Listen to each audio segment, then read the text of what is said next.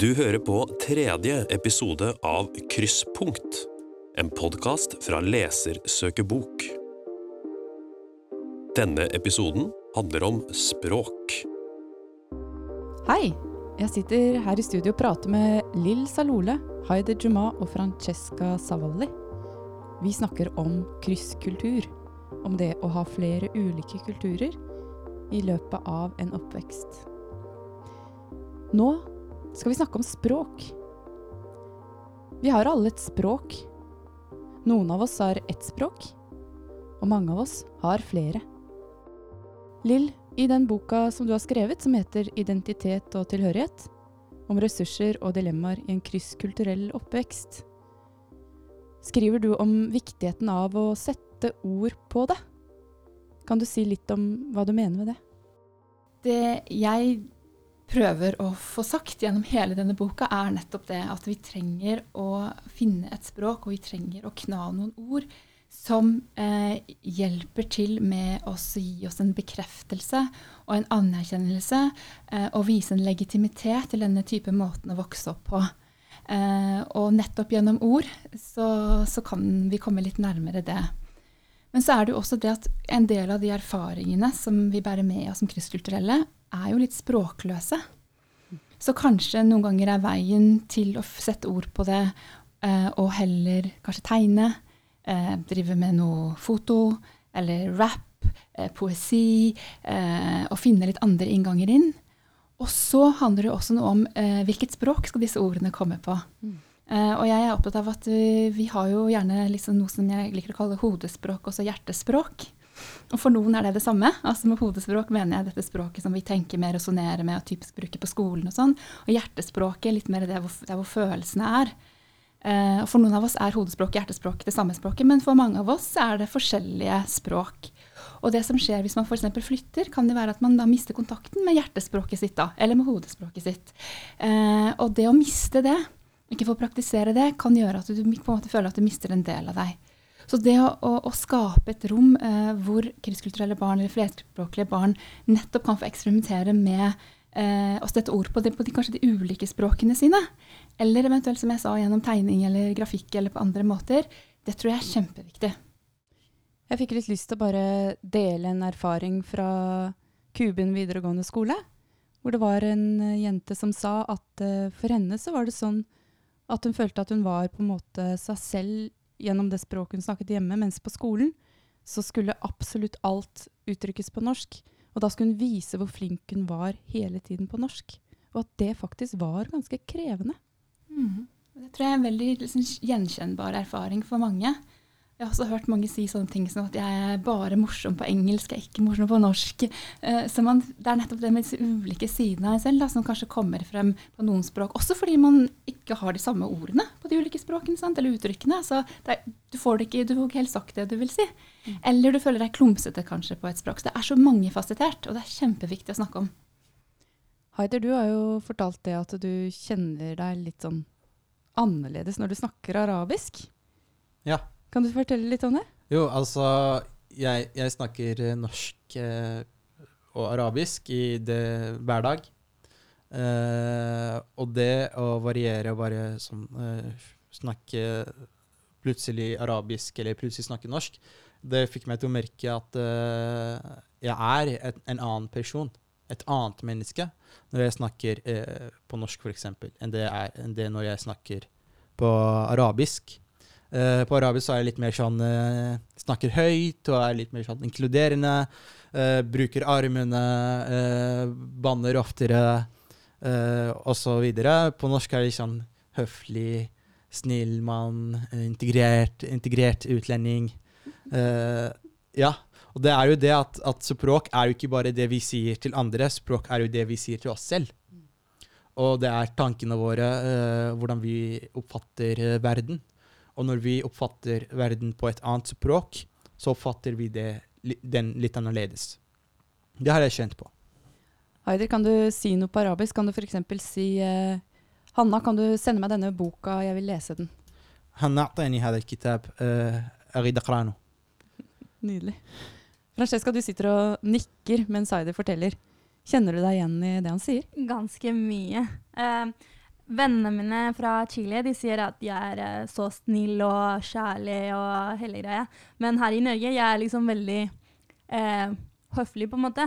Og eh, jeg vet ikke, i dag for eksempel, vi hilset hverandre, og det var sånn Å, med klem og hele greia. Jeg bare oh, det er sant, jeg er i Norge. Så plutselig er det sånn jeg, jeg, kan ikke bare gå bort og klemme folk, liksom. Men jeg gjør det hele tida i, i, Chile, f.eks. Og det er sånn at um, jeg må liksom begrense meg selv, på en måte. Fordi jeg er veldig kjærlig, for å si det sånn. Men uh, jeg sier alltid fine ord til vennene mine og sånn, men i Norge er det sånn uh, Nei, jeg tror ikke jeg skal si det her, fordi det kanskje høres teit ut, for, for å si det sånn. Og eh, ja, det er liksom Det er eh, rart eh, å begrense seg selv og prøve å ikke vise en del av min personlighet. Mm. Ja, Det er derfor jeg kjenner meg ganske mye igjen i Heidar. Kan du si, Hanna, kan du sende meg denne boka? jeg vil lese den ja. på spansk. Ja. Hanna, me puedes mandar ese libro, quiero leerlo. Å, det er nydelig, da. Lill, du ville si noe? Nei, jeg, vil bare, jeg, jeg får så mange assosiasjoner, men, men, eh, men, jeg bare la dere merke til også bare liksom at det er ulik tonefall. At man bruker, Jeg får begynt å tenke på det selv, at når jeg snakker norsk, så snakker jeg veldig sånn fra brystet. Bruker pusten her oppe. But when I'm speaking English, it's much more belly-focused. Så du, det er noe det er utrolig fascinerende og spennende det med språk og identitet og hva som kommer ut av oss på de ulike språkene. Jeg kjenner igjen det, Lill. Jeg snakker også norsk og engelsk gjennom hele oppveksten min. Og jeg husker ofte når jeg har vært i England, så føler jeg at jeg stemmen blir liksom dypere og mer sånn. Og så kjenner jeg kommer til Norge, så er jeg akkurat som jeg begynner å synge. Føler meg nesten liksom bråkete bare av å stå og snakke, liksom. Hva liker dere å lese? Uh, jeg elsker å lese kjærlighetsromaner. Det er min greie. og jeg lærte mye norsk av det. Um, men um, jo, jeg syns det er veldig veldig spennende med, med kjærlighetsromaner. Fordi det er, sånn, det er, så mye drama, det er så mye som skjer. Og så er det også en veldig eh, krevende språk. da. Eh, det er ikke det samme å lese et barnebok enn å lese en kjærlighetsroman som er 300 sider, f.eks. Har du noen eksempler på kjærlighetsromaner som du liker, og som er gode? Ja, jeg har eh, tre eksempler. Eh, og de tre bøkene er skrevet av den samme forfatteren, som er Katarina von Bredow. Én en er ekspert på å rødme. Eh, den er veldig sånn ung eh, kjærlighetshistorie. Eh, en annen er søskenkjærlighet. Det er en tung bok å lese. Eh, det handler om to altså søster og bror som blir forelska i hverandre. Og det, det, var noe jeg kunne aldri tenkt om meg, og, og jeg syns ikke det er noe greit. Uh, jeg syntes ikke det. Men når man begynner å lese det, det er sånn, man blir sjokkert, liksom. Og etterpå er sånn uh, Jeg har følt meg på den måten. Så det er ganske vanskelig å, å liksom eh, ikke følge hva man føler, da. Det, man kan ikke skylde følelsene sine. Så man, man, man liksom prøver å forstå eh, eh, hovedkarakterene, og hvordan, hvorfor de føler seg på den måten. Og ja, jeg syns det er veldig spennende å lese den boken. Eh, og så er det også en til som eh, eh, Den heter 'Sinnssykt forelsket', og det er Ja. Det, den er også en veldig god bok. De tre kan jeg liksom anbefale. Haider, Francesca fortalte om dette, så hvordan er det med kjærlighetsromaner i Irak? altså, det er, uh, ingen, det er ingen hemmelighet at uh, kvinner og menn er jo ikke like i Irak på alle måter. Uh, for menn så er det helt greit å bare kjøpe en, en roman som er nærmest porno. Og så leser de det, og så er det helt greit for alle. men hvis uh, ei jente på samme alder kjøper en helt vanlig kjærlighetsroman, så er det sånn skikkelig forbudt. Mm. Og jeg har hørt om historier om faktisk slektninger som, som fikk bank for å uh, ble tatt uh, mens de leste uh, kjærlighetsromaner. Mm. Da ble romanene revet i stykker, og de fikk en flere form for straff. Så det er, det er, en forskjell mellom kvinner og gutter i Irak når det gjelder, til, og med, til og med når det gjelder litteratur. Det er, bare, det er, ikke bare Irak. Det er jo Jeg regner med at det er mange land i Midtøsten og Nord-Afrika, som har eh, samme norm. Jeg tenker på dette, Lill, når du snakker om uh, viktigheten av å sette ord på det, og det kjenner jeg også veldig på, hvor viktig det er å finne språk for ulike erfaringer. Og hvordan er det da når det er noe litteratur som er lov å lese, og noe som ikke er lov å lese? Ja, altså det er jo igjen at det går inn i det samme. ikke sant? At du får en sånn litt sånn Det blir så splitta, dette universet ditt, fordi det nettopp en gang forsterker eh, en eh, eh, opplevelse av at eh, noen andre bestemmer. Og hvem du er, og du, hva du kan gjøre. Eh, og du får det begrensede, litt sånn trange rommet. Haider, hva liker du å lese? Jeg liker å lese moderne arabisk eh, poesi og uh, moderne filosofi, som er global. Uh, det er de bøkene jeg liker å lese. Kan du komme med noen uh, navn eller eksempler på disse bøkene? Altså, jeg leser bøker på arabisk, for det er det språket som står meg nært når det gjelder lesing. og da leser jeg til det, Jeg kommuniserer veldig bra på norsk. Det eneste som jeg sliter med, er det å uttrykke navn til kjente forfattere som jeg leser på arabisk, og som plutselig så må jeg si det til, norske, til, til folk som kunne prate norsk. Og da er de navnene skikkelig rare. Så da, bare, da sier jeg bare navnene på arabisk, og dere får tenke selv. Uh, jeg liker å lese til Dystofisky, Albert Camo. Uh, jeg liker å lese til Nietzsche.